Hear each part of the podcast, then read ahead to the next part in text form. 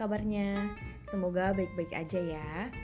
Perkenalkan, nama aku Claudi Melania Longdong dari Fakultas Psikologi Universitas Ciputra. Nah, saat ini aku sedang belajar mengenai psikopatologi dan abnormalitas. Jadi, sekarang aku akan membahas mengenai salah satu gangguan mental, yaitu excoriation. Hah? Excoriation? Apa itu? Nah, untuk menjawabnya, kita akan mendengarkan sebuah kasus terlebih dahulu. Jadi, ada seorang pria berumur 58 tahun dengan inisial F. Ia pernah didiagnosa dengan gangguan obsesif compulsive disorder atau OCD ketika ia berumur 26 tahun. Dan hal tersebut sudah mulai terjadi semenjak ia remaja. Sebagai remaja yang sedang mengalami masa pubertas, perilaku OCD ini muncul mula-mula dengan memencet jerawat dan mencabuti rambut-rambut halus di sekitar wajahnya. Hal ini terus berlanjut hingga beberapa tahun kemudian. F terus-menerus memencet jerawat, mencabuti kulit dan rambut halus di sekujur tubuhnya, terutama di bagian kaki. F kemudian mengatakan bahwa ia mengalami kecemasan yang parah terkait dengan perilakunya ini. Ia bahkan pernah dirawat di UGD rumah sakit dengan gejala OCD, sehingga harus mengonsumsi obat-obatan antipsikotik seperti quetiapin 50 mg setiap hari untuk mengobati OCD-nya itu. Setelah itu, ia tidak ada melaporkan mengalami gangguan lainnya dan tetap menjalani hidupnya seperti biasa. Kemudian pada beberapa bulan terakhir, F mengatakan bahwa ia terus-terusan kompulsif dalam menarik kulitnya di bagian kaki. Ia mulai dengan menarik kulit di sekitar bantalan kuku kakinya dan semakin lama semakin meluas sehingga menyebabkan pembengkakan dan juga infeksi pada kakinya. F menyatakan dalam sehari dia bisa melakukannya selama berjam-jam dan akan semakin parah ketika ia merasa gugup dan cemas. F juga sering mengoleskan salep antibiotik dan juga krim antiseptik pada lukanya itu tetapi ia merasa sangat kesakitan ketika salep dan krim menyentuh lukanya. Tetapi meskipun merasa sakit, namun F ini tidak bisa menahan keinginannya untuk terus-terusan menarik kulit pada sekitar kakinya itu, sehingga lukanya juga tidak pernah sembuh. Akhirnya, dia memutuskan untuk menyerah pada perilaku menarik kulitnya itu dan mencari pertolongan dengan mengunjungi UGD rumah sakit ketika ia menyadari kalau luka pada kaki kirinya semakin parah dan mulai mengeluarkan bau busuk. Ketika ia datang ke UGD, ia memiliki luka yang luas pada bagian kaki kiri, di mana jaringan ototnya sudah terlihat dan mengeluarkan darah. Selama di rumah sakit, dia mendapatkan perawatan pada luka di kakinya dengan salep dan juga obat minum. Untuk melengkapi pengobatannya, F juga mendapatkan pengobatan psikiatrik, yaitu dengan melakukan Cognitive Behavioral Therapy atau CBT, Habit Reversal Exercises, dan juga support group untuk menolong mengatasi excoriation disorder yang dia alami. Nah, teman-teman, berdasarkan kasus di atas, F ini didiagnosa mengalami gangguan mental, yaitu excoriation atau dikenal juga dengan istilah skin picking disorder (SPD) atau dermatillomania. Eits, jangan bingung dulu, semua istilah itu memiliki arti yang sama aja teman-teman. Tetapi di sini kita akan sebut dengan excoriation atau excoriation disorder. Jadi, menurut buku DSM-5, atau kepanjangannya Diagnostic and Statistical Manual of Mental Disorder edisi kelima yaitu buku ini merupakan pegangan para psikiater dan psikolog untuk menentukan apakah ciri-ciri dan gejala perilaku seseorang ini termasuk kategori gangguan atau tidak.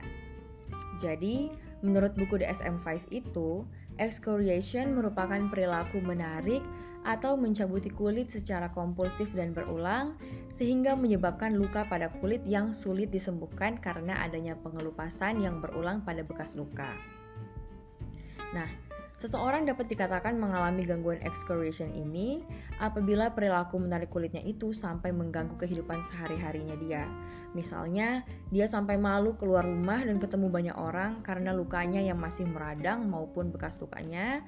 Juga konsentrasinya terganggu karena sibuk menarik-narik kulit dan juga hal-hal lainnya. Excoriation ini masuk pada kategori obsessive compulsive and related disorder karena adanya pemikiran kompulsif yang tidak diinginkan dan perilaku menarik kulit yang dilakukan secara berulang atau obsesif. Nah, ternyata excoriation disorder ini cukup umum terjadi teman-teman yaitu sekitar 1,4% sampai 5,4% orang di dunia mengalami gangguan excoriation disorder ini. Gangguan ini bisa terjadi pada semua umur, tetapi biasanya terjadi pada remaja yang mengalami masa pubertas dan perempuan lebih cenderung mencari pertolongan untuk mengatasinya apabila dibandingkan dengan laki-laki. Terus, apa aja sih gejalanya?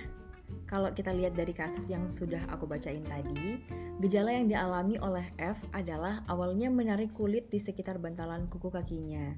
Kemudian, F ini terus-menerus melakukannya setiap hari meskipun sudah luka dan terasa sakit. Nah, mari kita lihat lebih dalam sebenarnya gejala-gejalanya apa aja sih menurut buku DSM-5. Jadi, berdasarkan DSM-5, gejala-gejala yang dialami oleh penderita excoriation adalah perilaku menarik, menggaruk, mencabut dan juga mengupasi kulit sehingga mengakibatkan jaringan kulit menjadi rusak dan biasanya penderita menghabiskan waktu sekurang-kurangnya satu jam dalam sehari bahkan bisa menarik kulitnya sampai berjam-jam dalam sehari tanpa sadar waktu. Perilaku ini bisa bertahan sampai berbulan-bulan dan bertahun-tahun. Selain itu, adanya percobaan berulang kali untuk mengurangi atau menghentikan perilaku mencabuti kulit ini. Kemudian, Perilaku ini biasanya dilakukan secara tidak sadar.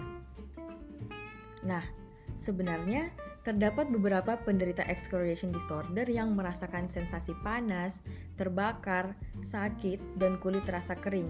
Tetapi mereka tetap melanjutkan perilaku menarik kulit itu karena faktor adanya pemikiran dan perilaku kompulsif sehingga kadang tidak bisa menahan dan tidak sadar juga sudah melakukannya.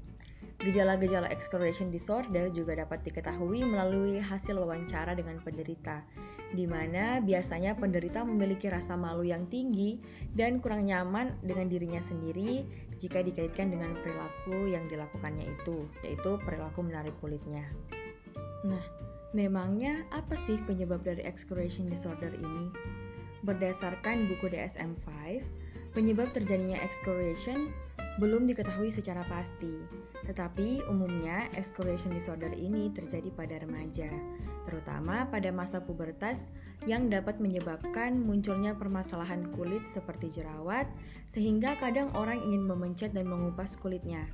Hal ini juga sesuai dengan kasus yang dibahas yang sebenarnya tidak ada penjelasan yang pasti mengapa terjadinya gangguan excoriation disorder pada F. Tetapi, ada beberapa faktor yang sekiranya dapat memicu orang untuk menarik kulitnya.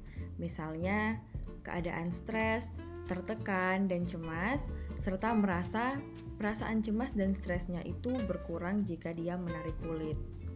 Nah, F juga sempat mengatakan bahwa ia menarik kulit secara tidak sadar dan terus-menerus, terutama ketika ia gugup dan cemas. Biasanya juga orang yang menarik kulit ketika dia melakukan aktivitas yang menetap, misalnya ketika menonton televisi, ketika membaca, juga ketika dia merasa bosan dan lelah. Selain menarik kulit yang bermasalah, penderita excoriation disorder juga bisa menarik kulit yang sehat loh teman-teman. Biasanya hal ini terjadi ketika merasa adanya sensasi yang kurang menyenangkan. Misalnya dia merasa sensasi gatal dari dalam kulit yang tidak bisa dihentikan hanya dengan menggaruk dari luarnya saja. Dan juga ketika kulit mengalami pruritus, yaitu rasa gatal yang muncul pada seluruh atau sebagian badan. Nah, terus dampaknya apa aja sih? Kita ambil contoh pada kasus yang sudah kita bahas di atas. Dampak gangguan yang dialami oleh F adalah luka dan infeksi pada kakinya. Hal ini sesuai dengan buku DSM-5 yang menyatakan bahwa Dampak dari gangguan excoriation ini meliputi bekas luka, infeksi, hiperpigmentasi yaitu perubahan pada warna kulit setelah infla inflamasi.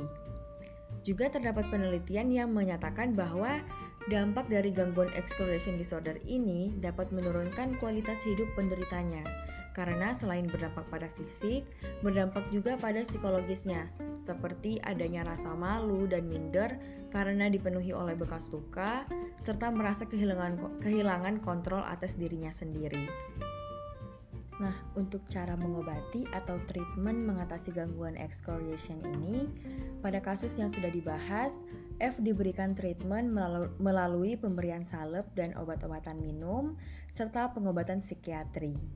Nah, peneliti juga menyarankan untuk mengatasi excoriation ini, maka dapat menggunakan cognitive behavioral therapy yang dinilai efektif untuk mengatasi gangguan ini, yaitu melalui psikoedukasi, restrukturisasi kognitif akan stresor, peningkatan efikasi diri, serta kesepakatan bersama akan langkah-langkah untuk mencegah dan mengatasi gangguan excoriation disorder. Nah, selain CBT, terdapat juga terapi lainnya yang bisa dilakukan.